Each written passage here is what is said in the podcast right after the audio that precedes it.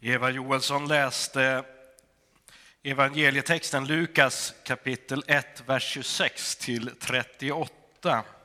Som handlade ju då om när Maria skyndar sig till Elisabet och ska berätta om vad som har hänt henne. Och mötet med ängeln. Jag läser det stället där Maria har mötet med ängeln. Och det är från vers 26 i samma kapitel i Lukas evangeliet. Så här står det. I den sjätte månaden blev ängeln Gabriel sänd från Gud till en ung flicka i staden Nasaret i Galileen. Hon hade trolovats med en man av Davids släkt som hette Josef och hennes namn var Maria. Ängeln kom in till henne och sa, var hälsad du högt benådade, Herren är med dig. Hon blev förskräckt över hans ord och undrade vad denna hälsning skulle betyda. Då sa ängeln till henne, var inte rädd Maria, du har funnit nåd hos Gud. Du ska bli havande och föda en son och du ska ge honom namnet Jesus. Han ska bli stor och kallas den högstes son. Herren Gud ska ge honom hans fader Davids tron och han ska härska över Jakobs hus för evigt och hans välde ska aldrig ta slut. Maria sa till ängeln, hur ska detta ske? Jag har ju aldrig haft någon man. Men ängeln svarade henne, helig ande ska komma över dig och den högstes kraft skall vila över dig. Därför skall barnet kallas heligt och Guds son. Elisabet, din släkting, väntar också en son nu på sin ålderdom. Hon som sades vara ofruktsam är nu i sjätte månaden, ty ingenting är omöjligt för Gud. Maria sa, jag är Herrens tjänarinna, må det ske med mig som du har sagt. Och ängeln lämnade henne. Jag har funderat en hel del eh, över den här texten och liksom, man får ju förmånen att göra det liksom, eh, en gång om året eftersom att den är återkommande. Eh, men det är ju så här, alltså Maria är ju här i början av tonåren. Alltså jag tänker så här, ja men, i våran tanke, ja men, gå på högstadiet någonstans. Hon är trolovad med Josef med sikte gifta sig och bilda familj. Hon bor hemma hos sina föräldrar och om vad jag förstår så är hon alltså en vanlig tonåring på den tiden som har fått veta hur man ska leva på den här tiden. Hon skulle ta hand om ett nytt hushåll tillsammans med sin blivande man Josef. Hon vet att ja, men det här är så man ska göra. Och när det gällde Gud så var hon troligen likt andra i Israel en kvinna som självklart trodde på Gud. Det är inte som det är idag i Sverige som man funderar på, aha, finns Gud eller inte? Den, den frågan är en, liksom en inte-fråga. Skulle du ställt den frågan till Maria, så här, men tror du på Gud? Då skulle hon bara titta på dig och undra, men är du konstig? Det är självklart att jag tror på Gud. Vad skulle det vara annars? Och eh, som boende i Israel efter att ha lyssnat på olika profetord som har gått igenom generationer så fanns det en väntan på Messias.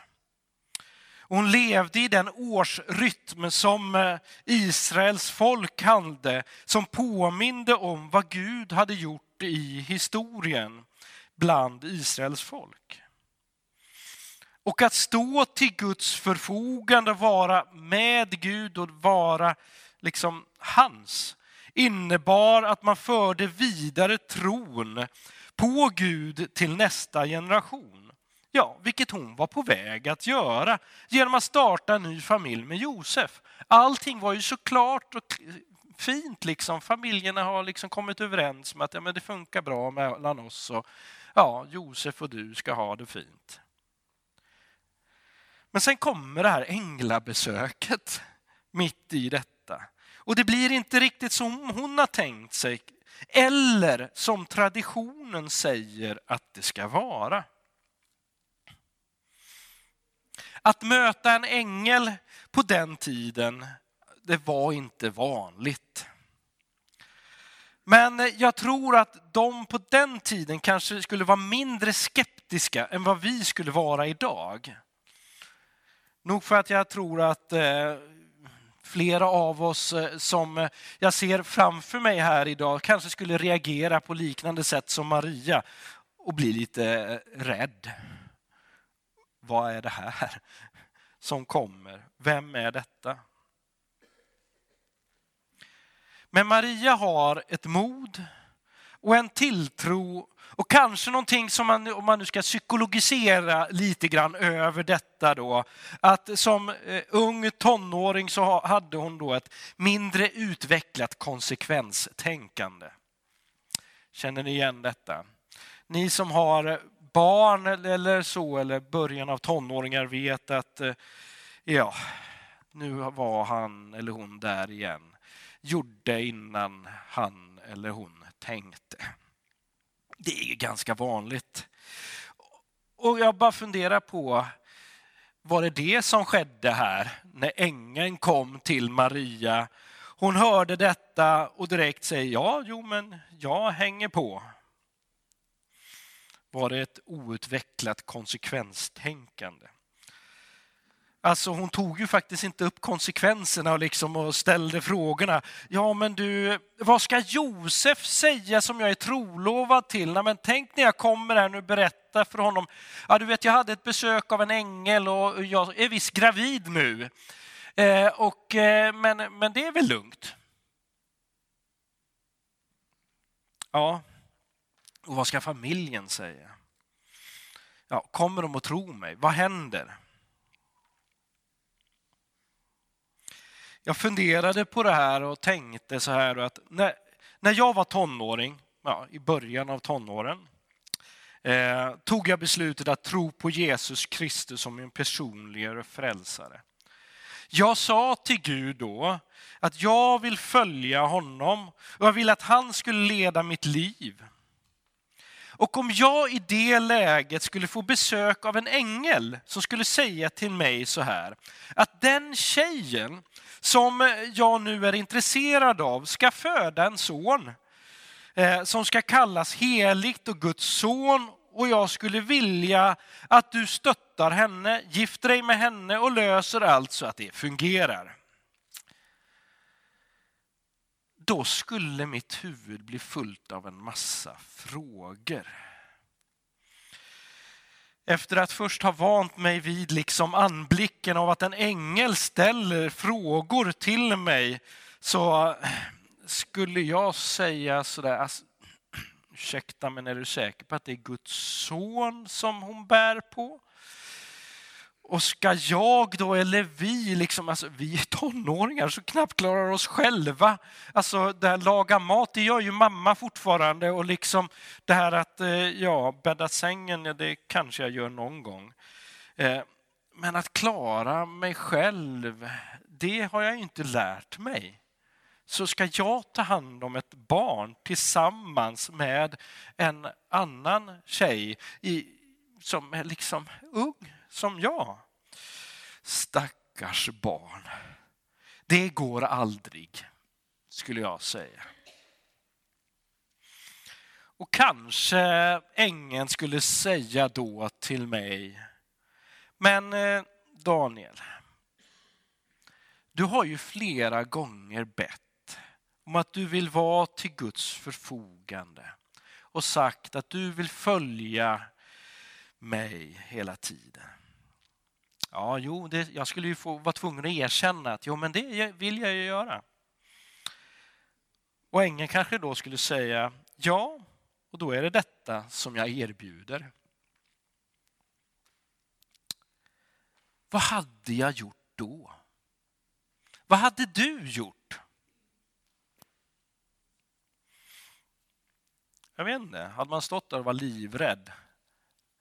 Det här går inte.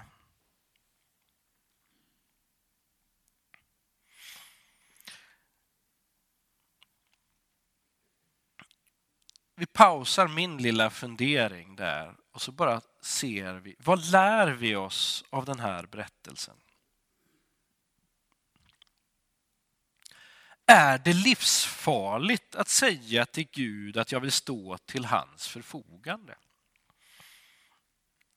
Att säga likt en sång, använd mig som du vill. Är det livsfarligt för man vet aldrig vad som kan hända? Eller är den här händelsen liksom med ängeln och Maria, den är så unik att vi kan slappna av då Jesus redan har kommit och Gud behöver inte göra de här drastiska åtgärderna idag.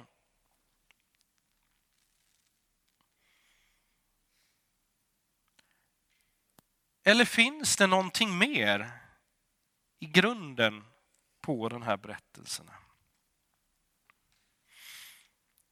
Jag tror att eh, Gud idag, precis som förr, alltså mötet med Maria, önskar att människor kommer till honom och säger att de vill tro på honom och följa honom.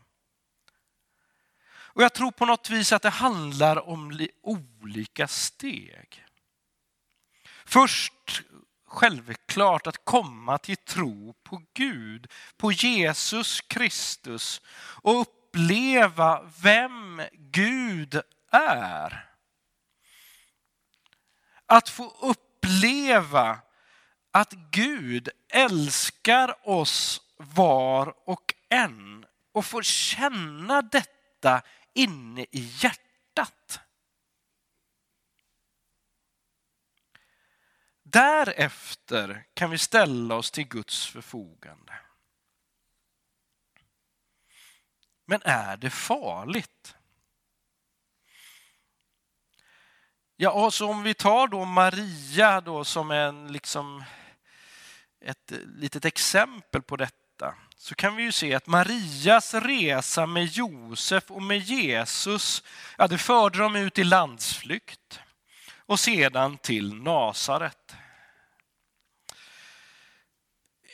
Man skulle väl kunna säga som så att eh, livet för Maria hade nog blivit enklare utan hennes ja till ängeln. Men skulle hon ångrat sitt val senare? Om vi skulle intervjua henne efter ett litet tag där, så tror jag inte hon ångrade sig, även om det hade varit jobbiga tider bakåt.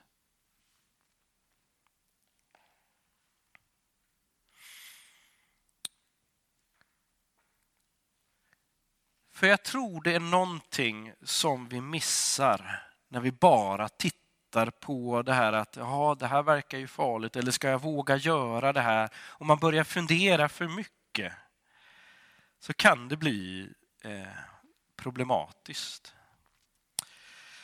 Om hon hade sagt nej där först så kanske då Gud genom ängeln hade fått, fått göra som han gjorde med Mose. Ni kommer ihåg Mose som eh, eh ledde Israels folk ut ur Egypten. När Mose fick kallelsen av Gud att eh, vara den personen som ska leda Israel, då var Mose den här liksom motvalsen som ställde frågor tillbaka. Nej, men inte kan väl jag, jag kan inte prata. Han hade så otroligt många argument för varför det inte skulle gå. Men, men Gud, han liksom plockade varje del och sa att jo, men eh, det här går, det här kommer gå, det här kommer gå. Och jag kommer vara med dig hela tiden. så. Men eh, när Mose trilskades tillräckligt mycket, då var det ungefär som, eh, nu var det inte, men alltså, som om Gud sätter ner foten och säger, ah, Mose, det här kommer gå, jag kommer vara med dig, punkt, gå nu. Eh, Gud behövde inte göra så med Maria. För Maria hoppade på tåget direkt. Dilemmat som vi har är just det här att eh, när vi är i början på någonting så kan vi inte se helheten eller framtiden. Och att inte veta kan man ju se både som en välsignelse och ett dilemma. För det är ju just det här, men tänk dig om du skulle veta exakt vilket datum och vilket år som eh, du ska dö. Eh, exakt vad, när, eh, vilket av saker och ting händer framåt. Och du får det liksom som på en lapp. Det här kommer hända i din framtid. Kommer jag bli gladare då? Eller kommer jag uppleva det så här som att oj, är det så det kommer att vara? Jag skulle inte vilja veta. Det skulle ställa till mer bekymmer. Jag skulle inte känna mig fri i livet. Det skulle vara ett större dilemma. Men det handlar på något vis om en förtröstan på Gud. Och om Maria i just det tillfället när ängeln var där och gav henne det här budskapet, om hon hade reflekterat över sin tro på Gud och eh, haft en fast förankring, en förtröstan på Gud, det vet inte jag. Men jag kan tänka mig att den växte med tiden. Vilket gjorde att hon klarade av att fortsätta att hålla fast vid det som ängeln hade sagt.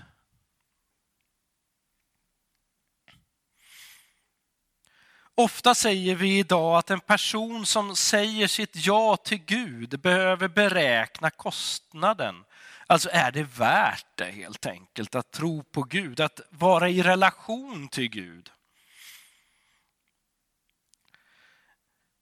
Det där, den där beräkningen gjorde ju inte Maria liksom när hon fick eh, den här frågan.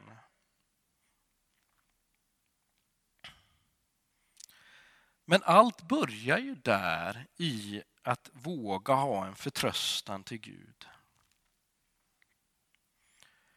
Gud lovar att vara med oss på samma sätt som han var med Maria.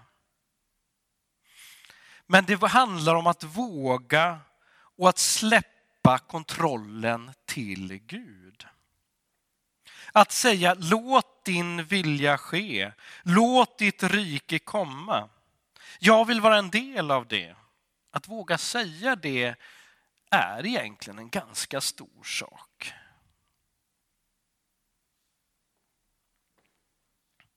Men jag tror vi behöver göra det lite då och då. Säga till Gud igen, ja, låt din vilja ske och inte min. Och jag tror så här att Gud behöver många personer som vill, som vill ställa sig till Guds förfogande idag. Som med Guds hjälp kan se lite längre än vår egen egoism. Och jag tänker så här, tänk om hela Jönköping idag skulle säga till dig, säga till Gud, vi vill stå till ditt förfogande Gud. Ja, vi vill att du ska använda oss som du vill. Jag tror att det skulle bli ganska fantastiskt. Då jag tror att Gud kan se bättre än du och jag hur vi borde vara till exempel emot varandra. När vi behöver ge ett uppmuntrande ord till någon, vi behöver hjälpa någon, jag visar på Guds kärlek.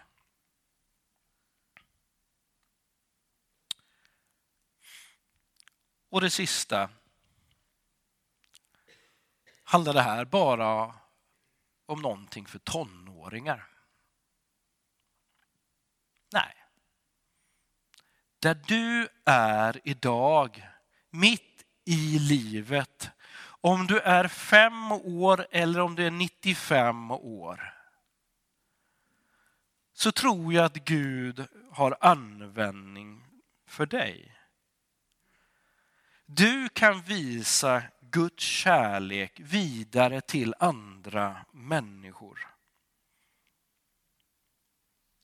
Och om du någon gång där, när du säger detta, ja men du, jag vill följa dig Gud, jag vill vara med dig, jag vill visa på din kärlek till andra människor. Men du kan vara lite sådär, ska det gå eller inte? Då vill jag använda Jesu ord till oss alla. Där Jesus säger till oss, var och en som säger att vi vill följa Jesus. Jag är med dig alla dagar till tidens slut. Herre Jesus Kristus, tack att eh, Maria sa sitt ja och följde. Tack för den tillit som hon hade till dig, Gud. Jag ber att vi ska våga, likt Maria, stå till Guds förfogande här idag i Jönköping. Det ber jag om i Jesu namn. Amen.